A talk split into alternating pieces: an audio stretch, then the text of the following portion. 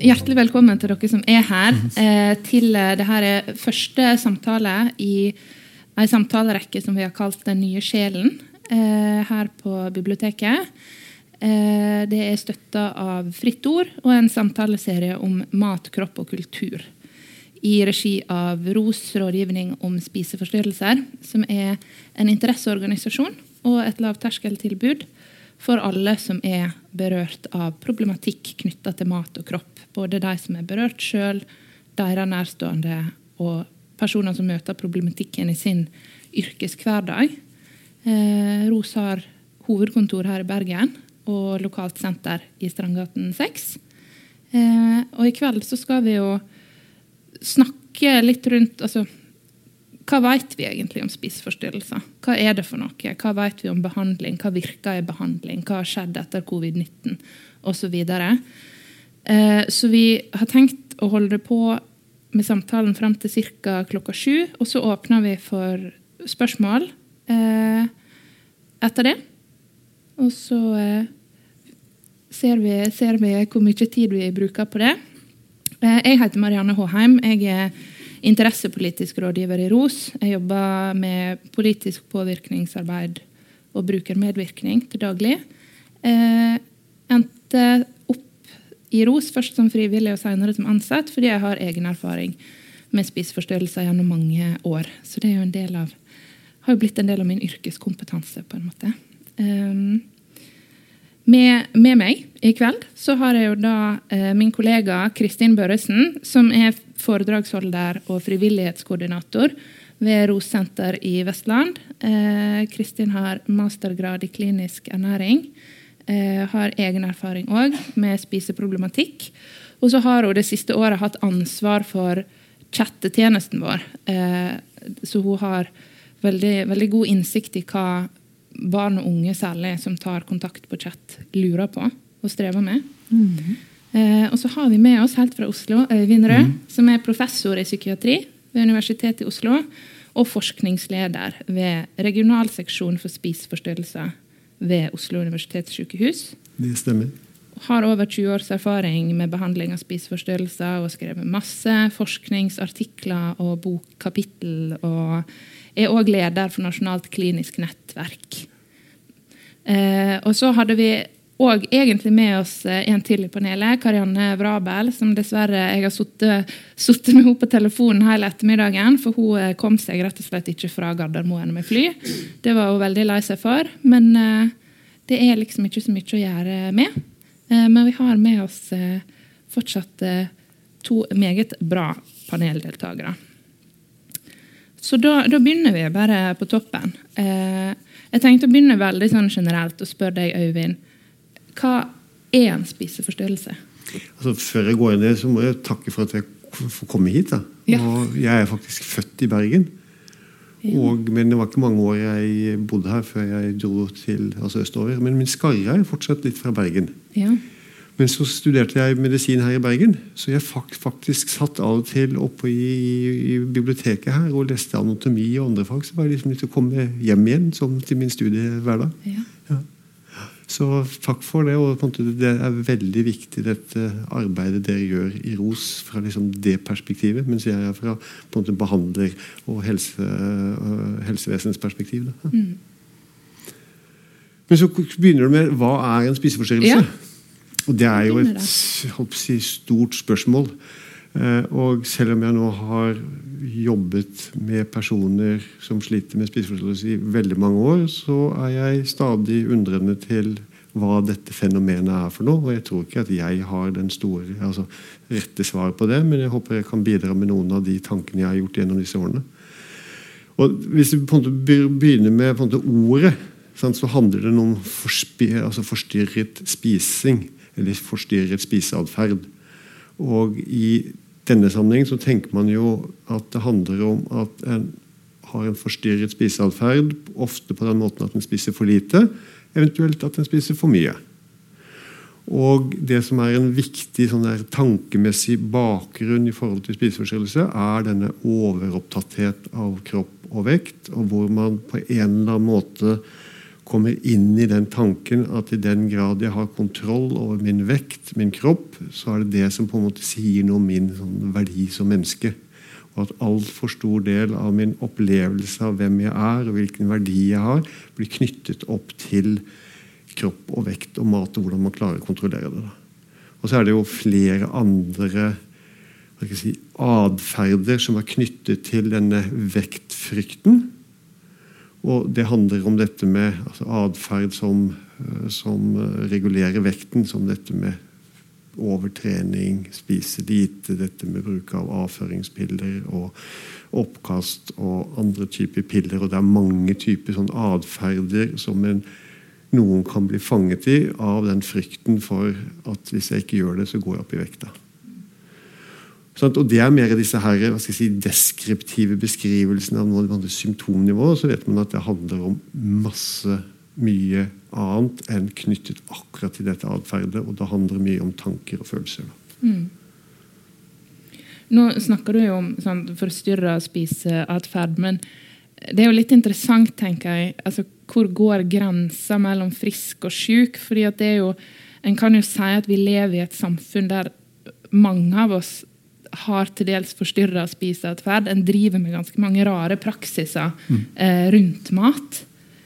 Går det an å si noe om hvor den grensa? Ja, og jeg tenker går? at En grunnleggende sånn tanke når man, i hvert fall når man er, jobber i, i, i helsevesenet, så tenker jeg når man begynner å snakke om diagnoser, så skal det være at denne, dette problemet har et sånt omfang at det påvirker hverdagslivet, det påvirker den fungeringen den har, slik at man ikke klarer det man naturligvis, naturligvis ville ha klart. Altså at det påvirker en i hverdagen.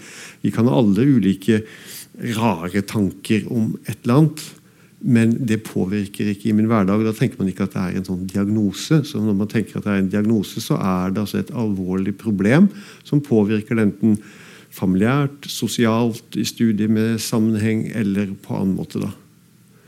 Og da er det en kjempeviktig og vanskelig Ikke vanskelig, men det er ulike perspektiver. Når er det man har en spiseforstyrrelse? Og er det jeg som helsepersonell som skal definere det? Eller er det de som har, har, rammet av det, som skal definere det? Eller er det kanskje pårørende rundt som skal definere det? Eh, og eh, Hvis jeg skal ta liksom forskningsbrillene litt på, da, så er dette noe man strever med i forskning. Å prøve å lage noen regler for hva som er friskt. da, Og mm. når er man syk. Og dette har man egentlig ikke helt funnet noe, noe helt klare retningslinjer for. Og når man jobber i helsevesen, så er det veldig lett at du tenker på dette med normalvekt og, og eh, ikke overspisning og oppkast. Men for en som sliter med det, kan ha på en måte helt andre perspektiver i forhold til hva det vil si være frisk. Det kan være om det fungerer i en parrelasjon, eller jeg klarer å gå på skole, eller eh, altså det kan være helt, eller at Ofte så har man andre psykiske symptomer i tillegg til sin spiseforstyrrelse. Det kan godt hende at angst problemene eller nedstemtheten kan være vel så plagsomt at for den som sliter med det, er kanskje vel så opptatt av at jeg ikke er så nedstemt som akkurat disse spisesymptomene. Mm. Ja.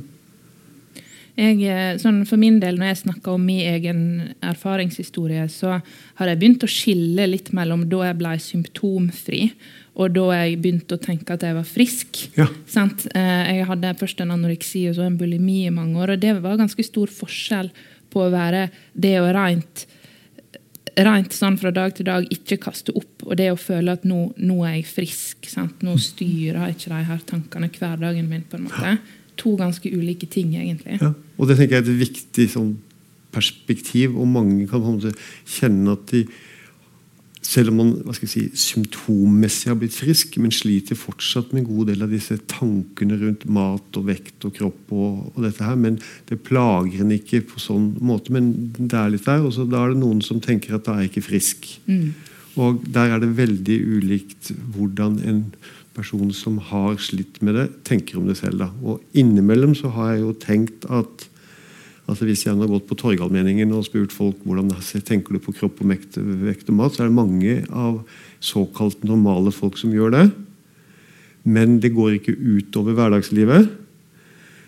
Men har man hatt en spiseforstyrrelse over tid, så tenker man skal jeg bli frisk, så alle disse, skal alle disse tankene bort. Men da skal man bli på en måte superfrisk mm. i forhold til den vanlige mann eller kvinne i, i gata. da. Ja.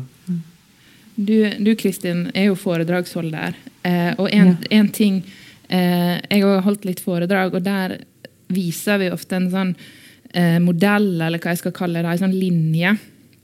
Eh, sant, som går fra det å være å ha et helt avslappa forhold til mat og kropp på den ene sida, til å ha en, en spiseforstyrrelsesdiagnose på den andre. Har du lyst til å bare si to ord om liksom, hva vi sier om den linja? Ja. Um, vi forklarer jo at det fins ja, et ulikt, ulike nivåer av forholdet til mat, kropp og vekt. Og de fleste av oss vil jo faktisk veksle mellom um, det å ha et ja, det man kan kalle da, som et normalt forhold til mat, kropp og vekt og eventuelt trening, og perioder hvor vi ikke er så fornøyd eller har lyst til å bli litt sunnere eller trene litt mer.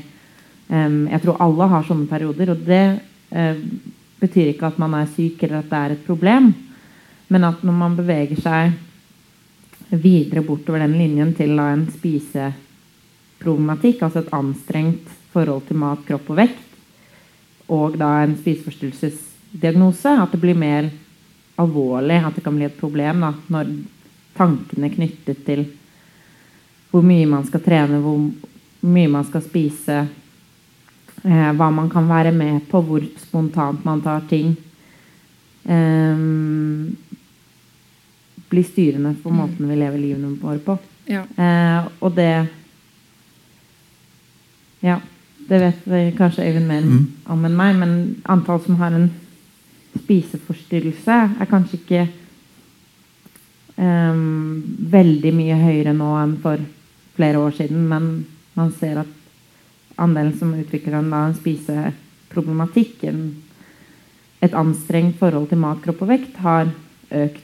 Og det kommer jo fram i disse bl.a. disse SHoT-undersøkelsene, mm. studentenes helse- og trivselsundersøkelser. Mm. Så det er jo en ting som, altså, som vi poengterer sant, at det er normalt å bevege seg litt langs den linja. Sant, at du, de fleste har perioder som er litt mer ugreie, eh, med litt mer kroppsmisnøye. Og det å, det å, være frisk ikke betyr at en da skal Da skal en alltid være fornøyd. Eh, for det er liksom ikke sånn at eh, alle problem går vekk av den grunn. Eh, så det er viktig å normalisere det litt, tenker jeg. Hva som finnes i de ulike endene av den skalaen. Og det er helt normalt å ha en dårlig dag. Ja. Det har alle. Og ikke jeg. Ja.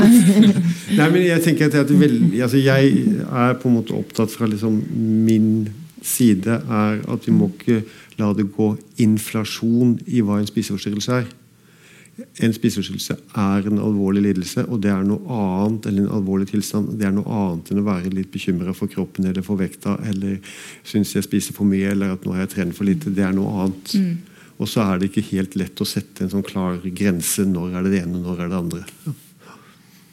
Men eh, altså, hva, hva vet vi om hvem som blir ramma av spiseforstyrrelser?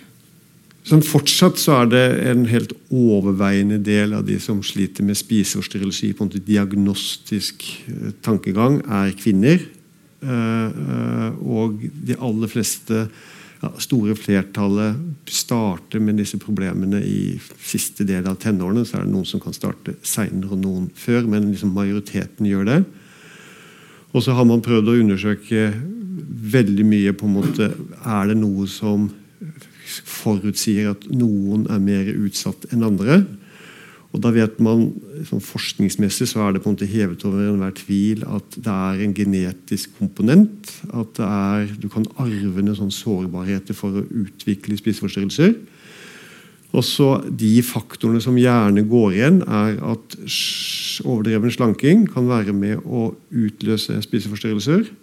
Dette med veldig høye krav til seg selv, hvor på en måte min verdi blir veldig sånn prestasjonsbasert at hvis jeg ikke presterer, så har jeg ikke noe, noen verdi. Da er man litt utsatt for det. Og dette med et dårlig selvbilde og dette med et veldig sånn svingende øh, altså følelsesliv. Det kan også være at man er mer utsatt for å få spiseforstyrrelser. Og så vet en at ulike typer traumatiske erfaringer i, livet jeg kan helt klart også bidra til at en får spiseforstyrrelse, men det kan også bidra at en også får andre typiske lidelser. Da. Så er det, det er ikke sånn veldig clear cut på, på hvilke typer traumer som kan eh, bidra i den ene eller andre retningen. Noe man har blant annet vært opptatt av, er jo også kroppsmobbing, altså mobbing relatert til kropp og vekt. At det ser ut som kan være en veldig dårlig sak i forhold til hvis du sliter litt med kropp og vekt sjøl, og så blir du mobba for det. Og det kan være noe som kan bidra til at en seinere kan få en spiseforstyrrelse. Mm. Og så er det masse faktorer. Dette er veldig komplekst. Det er ikke noe sånn det er årsak, og så ser det slik. Men også er det altså, en god del biologi inni dette. Altså. Ja. En snakker jo gjerne sant, om, altså, om, disponerende faktorer, ja. og så utløsende faktorer. Mm. Og så vedlikeholdende ja. faktorer. Og Det er en fin måte å prøve å rydde litt opp i, i tanken. F.eks. dette med eh, altså bakgrunnforliggende faktorer. Da kan man tenke mer som personlighetstrekk, dette med mer genetiske eh, forhold. Og så Utløsende er gjerne dette om det er noe som skjer knytta til debuten av en spiseforstyrrelse. Og Det er ikke alltid at en ser så tydelig det heller, men for noen så kan det være det. Og så kan det være fra dette at en bytta skole og på en måte mista noen viktige venner, til si, alvorlige altså, opplevelser av sånn traumatisk karakter. Og Når det gjelder disse opprettholdende faktorene, så tenker man at, at bl.a. en god del av biologien kan gjøre at bidrar til å opprettholde spiseforstyrrelsen. Og dette på undervekt er at du får fysiologiske endringer som bidrar til en sånn spiseforstyrret tankegang. Og så er det følelsesmessige ting, eh, ting i miljøet du er, som også kan være med på å opprettholde at du ikke kommer ut av en spiseforstyrrelse. Mm. Eh, hvem eh, er det som tar kontakt med ROS, Kristin? Um, det er både de som syns at mat, kropp og vekt er vanskelig selv, deres pårørende, og um, personer som møter på problematikken i hverdagen, f.eks. som lærer, aktivitetsleder um, eller helsepersonell. Men de aller fleste som tar kontakt med ROS, er syns mat, kropp og vekt er vanskelig selv. Enten de er helt i starten av sin problematikk eller har vært syk og hatt en spiseforstyrrelsesdiagnose lenge. Mm. og så med tanke på alder, så um, er det rundt ja, I overkant av 50% er mellom 9 og 25 år. Um, hvis man ser på de som tar kontakt på chat, er enda yngre. Da er det over 70 ja. og, som er 25 år yngre, eller yngre. Og rundt 40 er um, under 18. Mm. Og i, i, samsvar med det Øyvind sier, så er jo 95 av de som tar kontakt med oss, er jo jenter mm. eller kvinner. Ja. Noe som vi, vi, jobber, vi, jobber, med å snu på, men det er, det er ikke bare gjort i en håndvending heller. Eh, men eh, når det gjelder forekomst, hva, hva vet en egentlig om forekomsten av spiseforstyrrelser? Det er Egentlig skulle man tro at det er veldig lett å si sånn og sånn, og sånn, men det er ganske mye mer komplisert enn som så. Altså for det første er det, tenker man altså Når man skal prøve å undersøke det, altså hvordan blir dette undersøkt? Hvis en altså sender ut sånne spørreskjemaer, eller nå får det på en mobil eller en sånn online versjon, så får man mye høyere forekomst av spiseforstyrrelser enn hvis en gjør intervjuer med et stort antall mennesker, så blir forekomsten lavere. Og så er det andre at Hvis du ser hvor mange som søker hjelp, så er ikke det det samme som hvor mange som har det i befolkningen. For det er ganske mange som aldri søker hjelp for spiseforstyrrelser. Men med alle disse forbeholdene, og det er veldig mange undersøkelser på dette, så pleier man å si at blant europeiske kvinner så er det kanskje 1-4% som får anoreksi én gang i løpet av livet sitt. Kanskje 1-2% får bulimi, og kanskje 1-4% får overspisingslidelse. Og bare se med disse veldig store sprikene gjør at disse studiene varierer. Og så er det noen studier som finner mye høyere tall, og da er det ofte basert på sånn spørreskjemaer. Også i norsk sammenheng så vet vi egentlig ikke. Det er noen gamle undersøkelser som er noen 20-30 år gamle, som undersøkte dette. Og så er det da mange som refererer til en artikkel som nå er 20 år gammel, hvor man liksom prøvde å estimere eller anslå hvor mange kvinner med spiseforstyrrelse det er i Norge. og Da gjettet man seg til 50 000. Og det tallet, liksom, Hvis du går inn på Folkehelseinstituttet, så fortsatt så skriver man om 50 000. Men man vet egentlig ikke helt i dag i forhold til befolkningen sånn generelt. Men har en bare forekomsttall for kvinner? Nei, ja, altså er I disse studiene så er det også menn. Og, og hvis man ser dette spriker også, men ser sånn grovt, så er det ca. én av ti med anoreksi er menn. Kanskje én av fem med bulimi er menn. Og kanskje én av tre av de med overspisingslidelse er menn. Mm. Og disse tallene spriker overfor hvilke undersøkelser, eller altså hvilke studier man refererer til. da. Så I Norge så vet man veldig lite egentlig hva den faktiske forekomsten er. Mm. Og så har jeg sett litt på dette, Hvor mange er det som faktisk oppsøker eller som kommer til hjelp i spesialisthelsetjenesten? Så regner man i hvert fall for sånne studier at kanskje det er en fjerdedel av de som har en spiseforstyrrelse, som faktisk oppsøker profesjonell hjelp. Så er det, kan det mange som oppsøker ROS og kan få utmerket hjelp derfra. Så man regner med kanskje en fjerdedel. Og hvis du ser de siste årene fram til covid, så var det overraskende stabilt nye personer med spiseforstyrrelse som oppsøkte spesialisthelsetjenesten. Det var ikke så stor endring. Det man så, var at antall pasienter med bulimi så ut som gikk ned. Ja. Og unge med anoreksi gikk og så ser man dette med altså, hvor mange som faktisk er til behandling. Det har gått opp ganske betydelig, men det handler at pasienter er lengre i behandling enn før. da. Ja. Men er forekomsten altså Skiller forekomsten seg i, altså i Norge og Europa da, fra andre deler av verden? Eh, man pleier å si at dette er en sånn lidelse som er en del knytta til vestlig kultur. Ja. Så, så, men det er jo nå flere rapporter fra Asia og andre land om at det er en økende grad av spiseforstyrrelser der. Men fortsatt så tenker man at altså, vi lever jo i en, en, altså en, en kultur som er fantastisk opptatt av kropp, vekt og mat. Og at det også utspiller seg litt hva, altså hvilke symptomer man kan få når man sliter på en eller annen måte i livet sitt. Så det, en kan si at det er vestlige lidelser i hermetegn? Ja, i hermetegn. Ja. ja.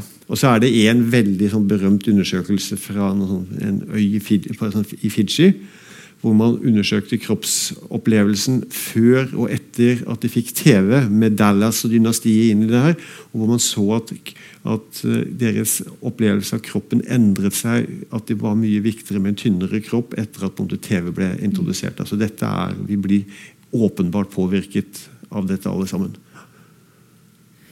Og så er det jo sånn, eh, som, som en har sett eh, mye om i media det siste halvannet året, at altså, pågangen eh, både, både, til ROS eh, og i behandlingsapparatet har jo økt voldsomt eh, etter korona. Mm. Fra unge og med spiseforstyrrelser mm. og at eh, en kan lese at de er yngre enn før, de er sykere enn før. Eh, vi ser det samme hos oss, eh, at en har en, altså en voldsom økning, og du har ganske unge barn med ganske alvorlige tilstander. Men er det, er det sannsynlig at den økninga har en sammenheng? Med pandemien? Hvor, eller hvor sannsynlig er det? Altså jeg tenker at Det er veldig naturlig å tenke at, at det har en sammenheng. Jeg har snakket i forbindelse med en sånn undersøkelse vi har, jeg har snakket med en del ungdommer, og hvor de på en måte beskriver sin hverdag, hvor de har sittet foran en skjerm hele tida. Det vanlige sosiale livet, det vanlige kontakten med andre har blitt helt annerledes. Eh, så jeg tenker at det er altså, naturlig å tenke seg det. Og så tenker jeg også at når man blir mer isolert fra hverandre, det er mindre i sosiale sammenhenger, så blir man mer eh, utsatt for å bli nedstemt. bli urolig, bli trist.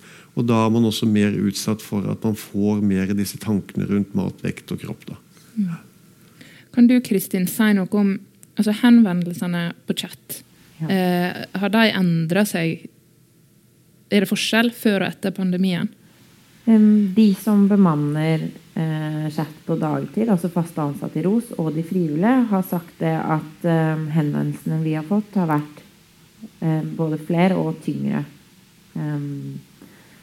Det er yngre personer som tar kontakt enn før. Det er ofte mer sammensatt problematikk. De som tar kontakt, har kanskje vært sykere lenge. Og det har vært en dobling i antall selvmords, selvmordsproblematikk. Da. Og så er det mange som forteller om det at eh, det, Jeg husker veldig godt at jeg satt på chat som frivillig helt i starten av pandemien, og det var en som skrev til meg Jeg trodde jeg var frisk, men så skjønte jeg at jeg var helt avhengig av de rutinene jeg hadde i hverdagen. Jeg var avhengig av å måtte dra på jobb, spise lunsj med kollegaer har venner som jeg dro og spiste middag med flere ganger i uka for å være frisk. Da. Mm.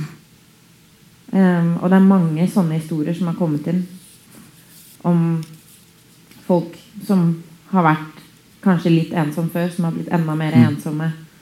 Um, får mye mer tid til å fylle. Hva skal man da fylle det med? Og har tatt igjennom dette kroppsprosjektet sitt. Um, ja. Ja. At en, en, får mer tid Når en sitter mer på telefonen og på nettet, så får en enda mer tid til å drive og sammenligne, sammenligne seg. Og nå var det, nå husker jeg ikke hvem det var, men en som var ute og sa det at han mente at altså, TikTok hadde en direkte sammenheng med økende forekomst av spiseforstyrrelser blant unge jenter. Da. Det kan hende, men ofte er det sikkert mer komplisert, men at det kan henges sammen. Mm. Og jeg tror, tror uh, at noen barn og unge som, som, lever i kompliserte familierelasjoner, og så i tillegg blir sittende veldig aleine pga. at det ikke er, det kan også være en vanskelig situasjon. da, ja. Og så tenker jeg at Det er også viktig å tenke seg er det slik at det er flere nye som har fått spiseforstyrrelser, eller er det mer at de som allerede hadde problemer, har fått større og mer alvorlig? Og jeg vil tippe at det er litt begge deler. Ja. Ja. Um, vi snakker også ofte, Når jeg holder foredrag, så snakker jeg også ofte om sånne livshjul. At vi har på en måte flere ting i livene våre som gir oss energi og mestring, og mm. som er viktig for oss. F.eks. familie og venner. og fritidsaktiviteter, skole. Under pandemien så var det jo veldig strenge restriksjoner på et tidspunkt. Og det kan jo hende at noen mistet fritidsaktiviteten sin. Det var ikke like ofte treninger lenger. Eh, man måtte ha hjemmeskole, ble sittende hjemme. Man møtte ikke venner i like stor grad. Så veldig mange ting som var viktig, ble på en måte forsvant litt. Man måtte finne andre ting på en måte å fylle livshjulet å få verdi på. Da. Og hvis mm. man da har slitt med mat, kropp og vekt fra før av, eller det har, de tankene har vært der, eh, så kan det jo tenkes at, at det har fått lov til å ta enda større plass. Mm. Mm. Ja, En må jo fylle på med noe. Sant? Mm. På en måte Når noe feller ut, så må en jo fylle på med noe. Ja. Eh, når det gjelder behandling, hva slags behandling er det egentlig en tilbyr i Norge i spesialisthelsetjenesten? Det jeg tenker er viktig eh, ved spiseforstyrrelser, er også at man, at man husker på fastlegen sin. På den måten at jeg tenker at hvis det er på en måte en spiseforstyrrelse, skal man også ha vært gjennom en, en, kroppslig undersøkelse for å se at det ikke kan være andre årsaker til at man har utviklet symptomer på spiseforstyrrelse. Og så er det, altså, er det, også komplikasjoner til å ha en spiseforstyrrelse som det er viktig å være klar over. og Derfor er, det, er på en måte fastlegen en viktig person i dette. da. Mm. Og så er det gjerne fastlegen som henviser da til en altså barne- og ungdomspsykiatrisk poliklinikk, eventuelt hvis det er en voksen person, til, til voksenpsykiatrisk poliklinikk. Og så er det dessverre slik i dag at disse poliklinikkene er ofte har veldig stor pågang, og det kan bli ventelister selv om det er pakkeforløp og det er alt mulig fint. Og når man først kommer til, så, så, og hvis man ikke blir avvist, så kanskje man blir tilbudt relativt få antall timer. Mm. Så vet vi at det å komme ut av en spiseforstyrrelse er ofte et ganske langvarig prosjekt, og det tar ofte mye lengre tid enn hva man tror både som pårørende og eventuelt en som er rammet sånn fra starten av. da. Så er det selvfølgelig avhengig av litt hvem man møter. Men hvis man ser på disse norske nasjonale retningslinjer for behandling av spiseforstyrrelser, så er man opptatt av at en skal hjelpe den som sliter, med å klare å komme bort fra noen av disse spiseforstyrrelsessymptomene. Og det er ikke én behandlings teori eller én behandlingstenkning som er overtruffen. Bortsett fra at det er noen studier som, som kaller dette med kognitiv atferdsterapi, som har ganske god, eh, god forskningsmessig evidens at de hjelper særlig ved de med bulimi og overspisingslidelse. Og så er det dette for barn og unge at det som internasjonalt, også i Norge etter hvert, fått ganske god erfaring med, er dette med familiebasert terapi. Da. Ellers er det ganske stor grad av variasjon man får når man øh, kommer inn i spesialisthelsetjenesten. Og det jeg er opptatt av fra den posisjonen jeg er, at jeg syns ofte det tar for lang tid for at en pasient får mer spesialisert hjelp. da. For jeg tror at du må klare i, å møte en behandler som både kan se dette si, symptommessige eh, problemene, men også på en måte møte og se dette mer følelsesmessig. Hva er det som eventuelt kan ha bidratt til at du har kommet i den situasjonen? Hvordan er det i dag, og hva er det som er andre faktorer som kan opprettholde din situasjon? da? Mm. Det, akkurat det snakka vi om før i dag, Kristin, når det gjelder altså, ROS sine brukere, hva slags erfaringer de forteller om med behandlingsapparatet. Ja. Når det gjelder det med fokus på vekt kontra fokus på, mm. på, andre ting. Det er jo veldig mange av de som tar kontakt med ROS, som syns dette med, eller dette vektfokuset er veldig vanskelig eh, å forholde seg til, og syns at det blir mye. Og føler at de mangler et sted å snakke om følelsene sine på. da. Mm. Ja, og det er, er, en tilbakemelding som altså, jeg har hørt, og jeg gjorde også en sånn undersøkelse en gang hvor det var mye av det samme at jeg opplevde at helseapparatet eller helsetjenesten blir for symptomorientert. Og så, ikke det, at det er leit hvis det blir en, en, en hindring i å komme videre. Men så er det også noe med dette man vet at jo lenger en undervekt forstår, jo vanskeligere kan det være å komme ut av det. Da kan det bli biologiske endringer som medfører større vanskeligheter for å faktisk legge dette bak seg. Og at det er en, er en faktor som, som også altså, bidrar til at bare symptomene lever sitt liv. da. Og Det er et av hovedgrunnen til at det har en ganske stor fokus. Samtidig så er det jo, skal det være i en dialog med den det gjelder, som at man klarer å balansere dette på en god måte. Og der er det dessverre en god del som ikke opplever det. altså. Mm. Og det går jo begge veier. holdt jeg på å si. Altså det får vi jo tilbakemelding fra både med pasienter som har en spiseforstyrrelse med undervekt, mm. og en spiseforstyrrelse med overvekt. At en, en, får, en opplever at uh, det er en tanke om at så lenge du når den riktige vekta, om den enten skal opp eller ned, så skal det være greit, på en måte. Mm. Um, og så er det sånn, Vi var vel litt innom dette som er litt vanskelig, og hvordan jeg skal formulere sant, at jeg tror jeg i møte med personer som sliter med spiseforstyrrelse, er ganske opptatt av å prøve å se hele personen. Og prøve å få tak hvem er når jeg sitter og snakker med deg. Mm. Og hvor jeg ofte på en måte opplever at likevel så blir samtalen dreid seg knyttet opp til dette med vekt og mat og spising. Og hvor jeg kommer ikke hoppsi, rundt det. Mm. Og da kan jeg tenke meg at den personen etter den samtalen tenker at han behandleren bare snakker om mat, vekt og kropp, mm. men så er det en del av lidelsen at det fyller så mye at det er kanskje også vanskelig for den som sliter med det, å ikke snakke om det også. Mm. Så, så, det kan bli en sånn, der, sånn dobbelthet i dette her. Ja. sånn rent anekdotisk eller erfaringsmessig så er iallfall min erfaring at det, det krever ganske mye tid og ganske stor tillit å komme bak det ofte. Ja. Sant? At du skal, du skal stole på et menneske for å klare å gå bak det. da. Eh, og, og det får en jo ikke nødvendigvis. God nok tid med en person til å, til å tørre å grave i de andre, andre tinga. Ja. Um, men altså, når det gjelder effekten av behandling, da, vet vi noe om hvor mange som blir friske? Og Det er ikke heller så lett å svare på, for det kommer helt an på hvem er det man undersøker. Sånn hvis du undersøker en som har hatt en spiseforstyrrelse et halvt år, da er sjansen for å komme ut mye større enn en som har hatt det i 10-15 år.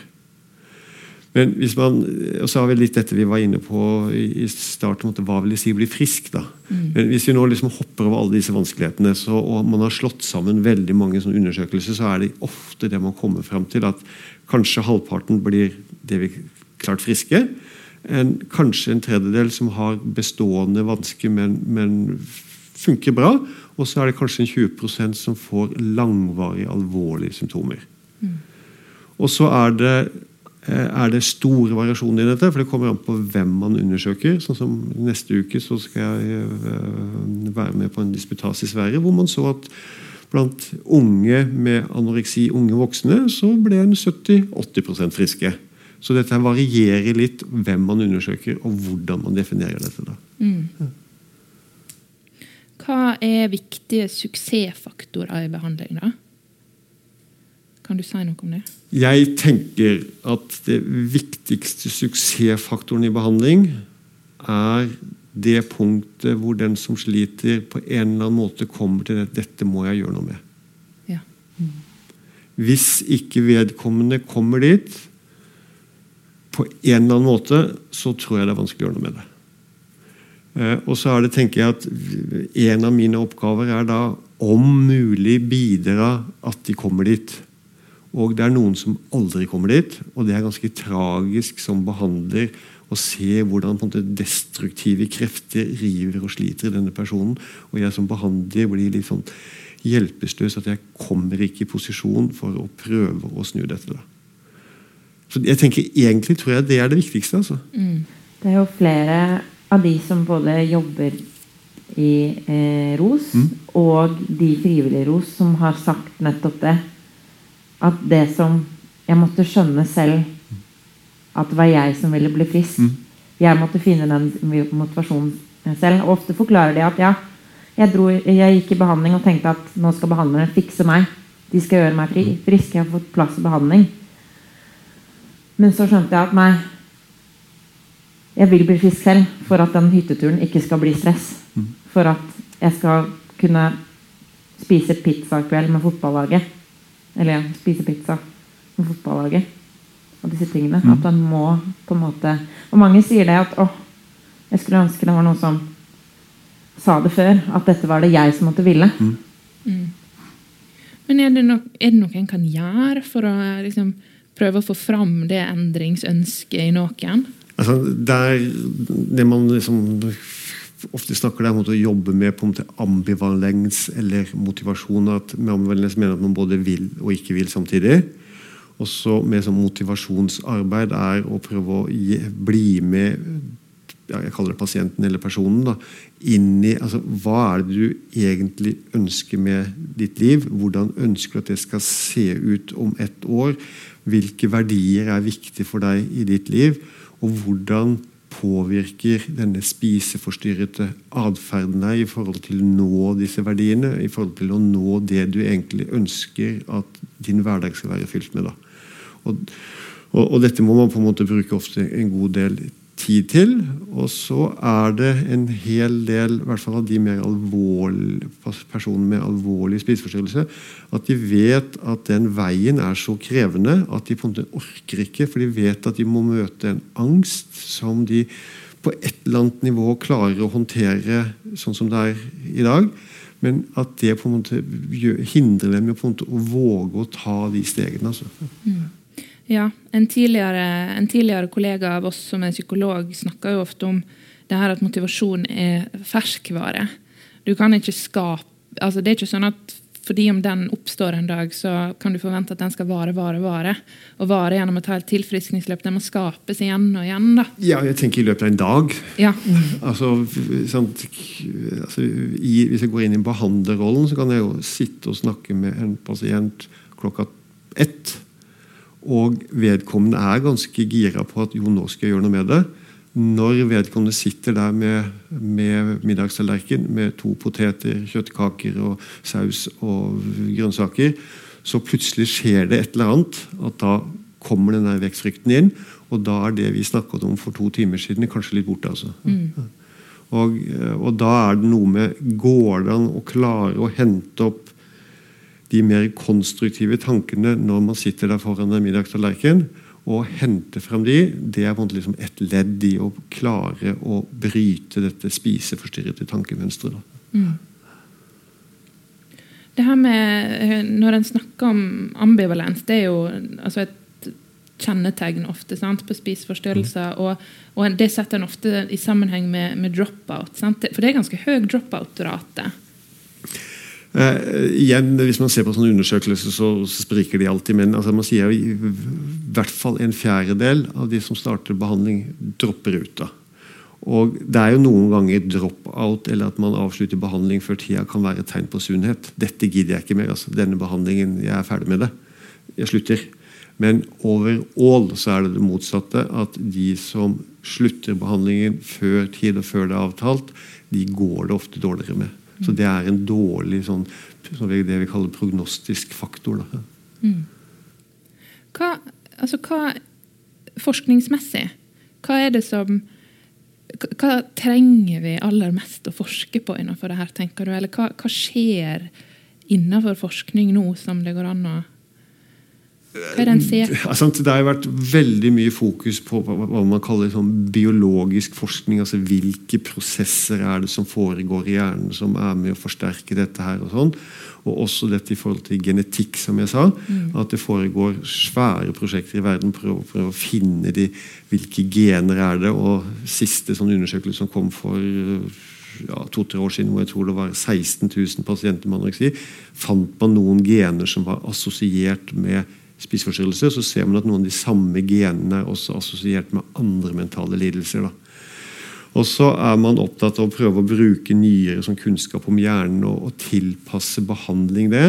Og Et av poengene da er å prøve å, å på en måte bidra til å redusere den skamfølelsen som veldig mange av pasientene Det er noe gærent med meg, men at det er noen av oss som er født med en hjerne som blir mer opptatt av detaljer, som blir, har vanskeligheter for å på en måte skifte fokus. Og kan du bruke det på en konstruktiv måte, og ikke inn i en spiseforstyrra måte? da. Mm. Så det er én trend. da.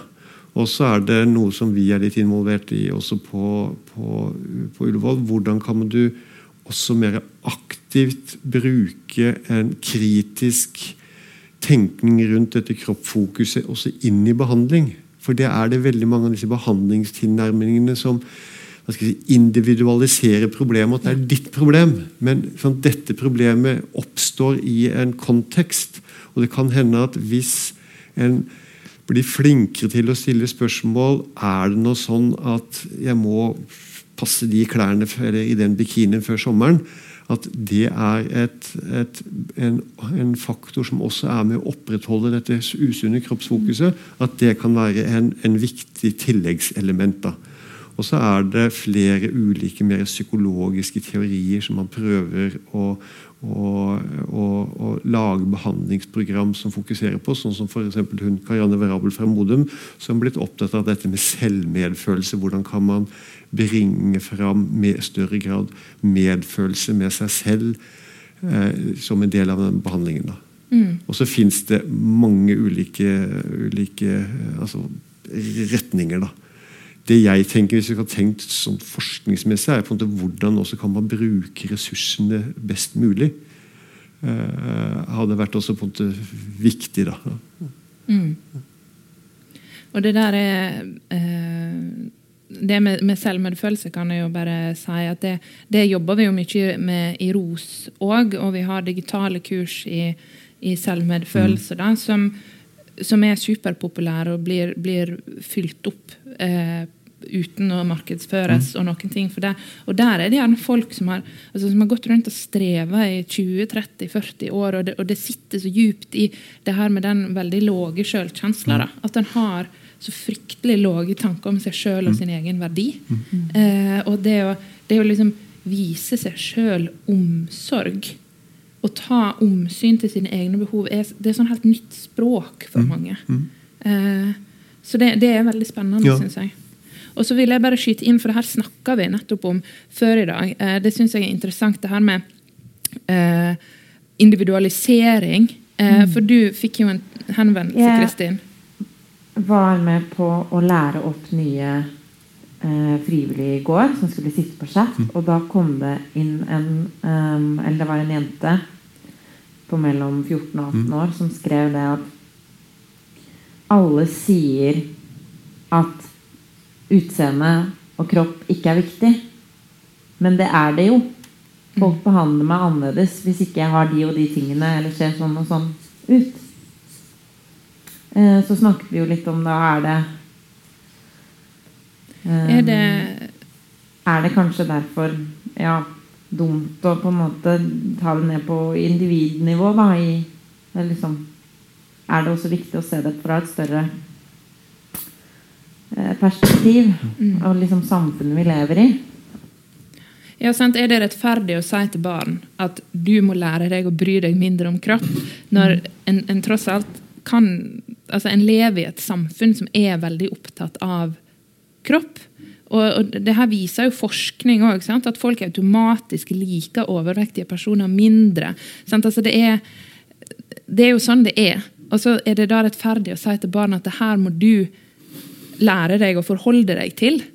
Uh, Istedenfor at vi skal gå inn og på en eller annen måte prøve å forandre strukturene. Eller lære eh, ja, både barn og selv og andre å ha et mye mer kritisk forhold til det. Mm. Og så skal man ikke glemme eller altså dette er, Jeg pleier å si at hvis du skal tjene penger i dag, sats på kropps, menneskers kroppsmisnøye. Der er det milliardindustri. altså. Og det er så sterke pengekrefter som vil bidra til å opprettholde dette kroppsfokuset.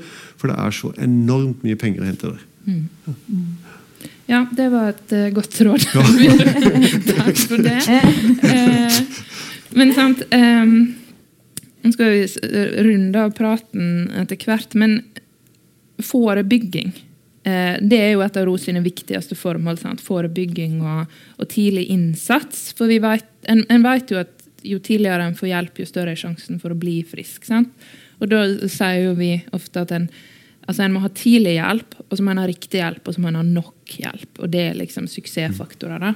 Men når det gjelder forebygging, hva, hva, tenker du en kan gjøre for å forebygge spiseproblematikk og spiseforstyrrelser? Altså, det man vel har vist at sånn der å fly rundt på alle mulige skoler og fortelle om spiseforstyrrelser, det pleier ikke å ha så stor effekt.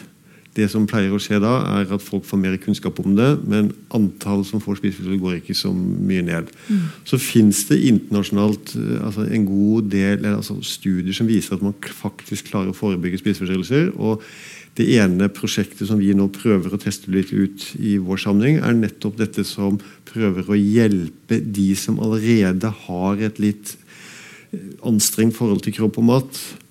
Og hjelpe dem å, å, å ikke bli så influert av dette kroppsfokuset i vårt samfunn. Da. Og mm. det viser, har vist i mange studier at har hatt en effekt. Da.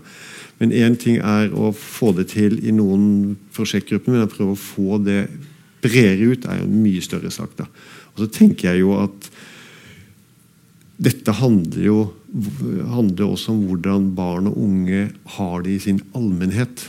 Altså, har de det bra? Er det bra oppvekstforhold? Er det tilbud på skole? Er det tilbud på fritidsaktiviteter? Har de det bra? Så vil også på en måte disse problemene bli mindre. Da.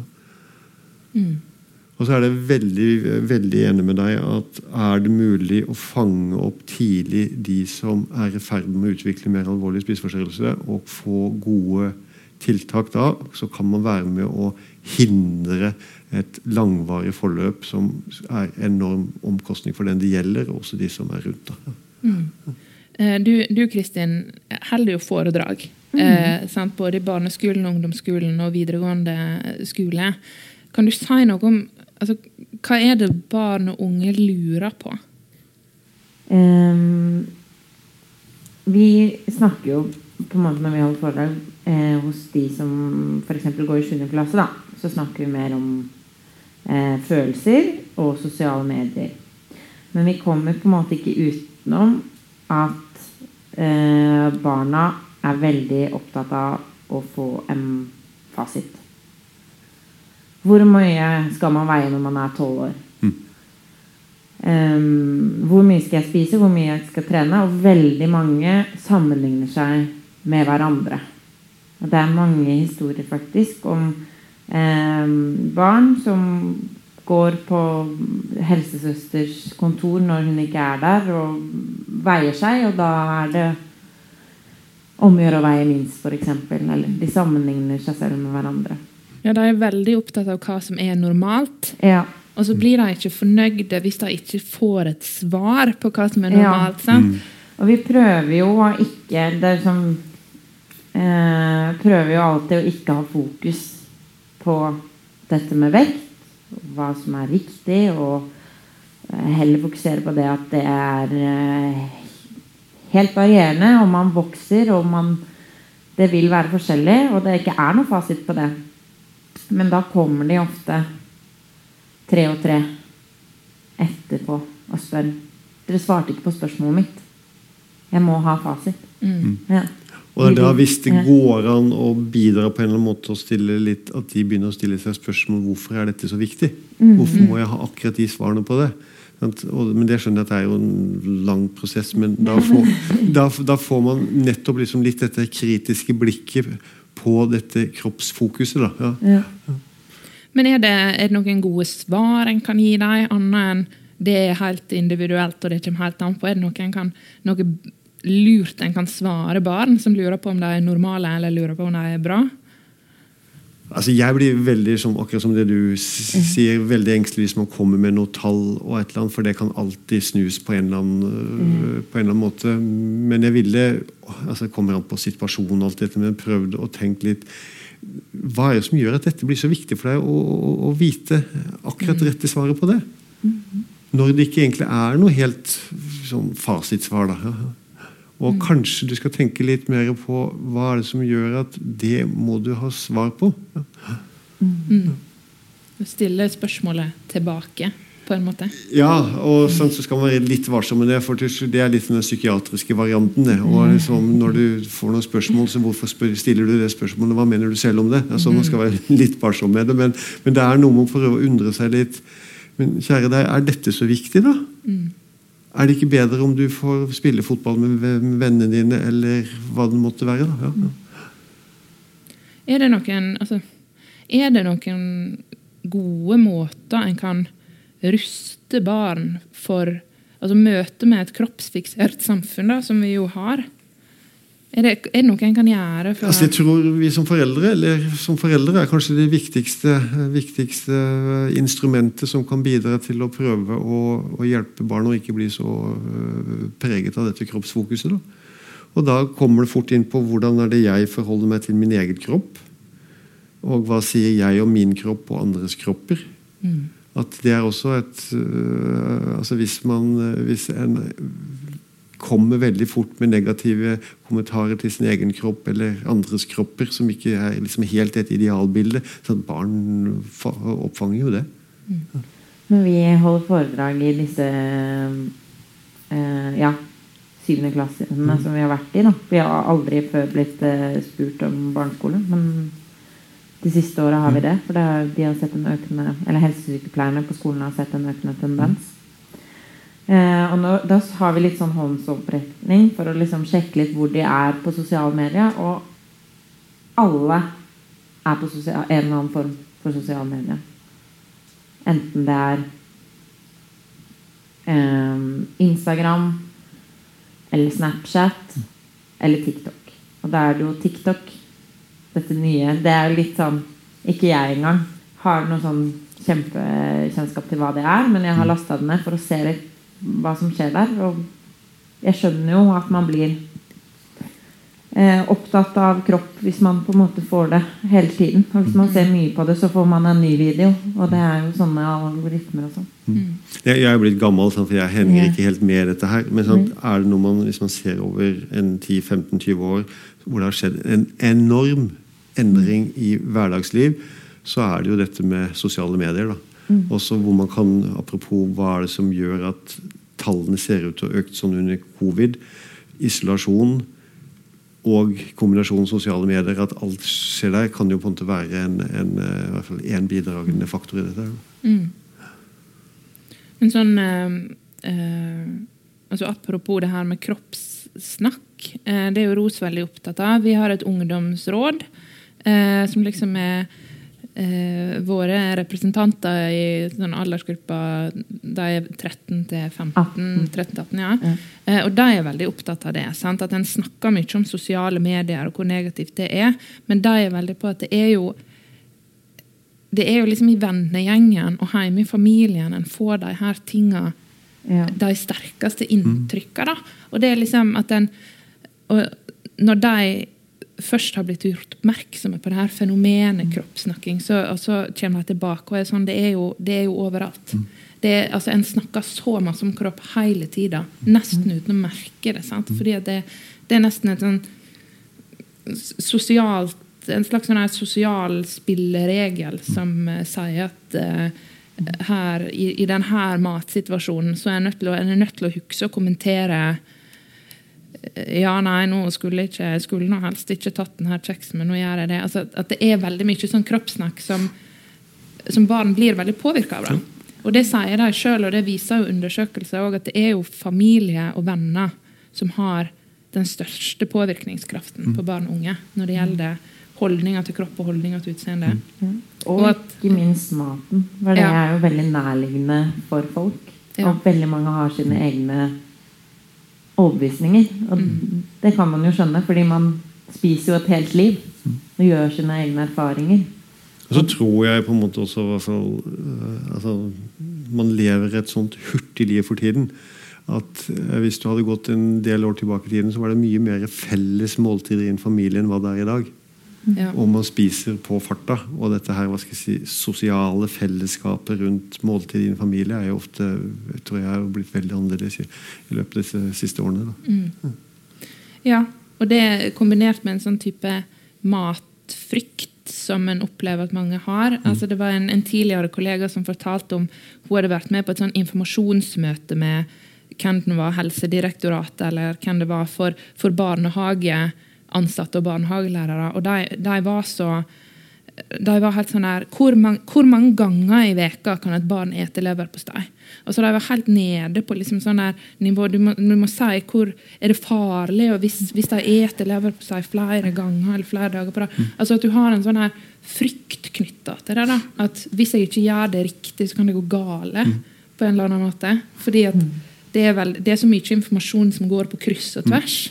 Eh, at folk blir jo helt eh, Og så er man veldig Forvirra. opptatt av å gjøre ting riktig, ikke sant? Ja. Mm. Ja, ref, eh, ref barn. Da jeg, mm. sjøl var barn eh, eh, og ikke hadde internett, så skrev jeg brev til eh, inn til Mona og Mikkel, som var sånn spørrespalte i et blad som heter Topp. Som var sånn spørsmål-svar-spalte. Og da sendte jeg brev og skrev sånn Er salami sunt? Er, altså, er risengrynsgrøt sunt? Bare en sånn lang liste. For jeg bare, Noen må fortelle meg. Jeg var jo Ja. allerede sånn. veldig, Hva er normalt, hva er ikke Og normalt? det kommer vi inn på chat også. Ja, Er omelett sunt? Jeg må ha svar nå. Mamma lager lunsj. ja. Mm. Det er jo Ja. Det, nå var vi på minuttet ferdig.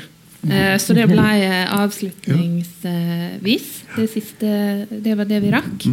Eh, tusen takk, Øyvind, for at du kunne komme og være med. Og tusen mm. takk til deg, Kristin. Og tusen takk til eh, alle dere mm. for at dere kom. Ja.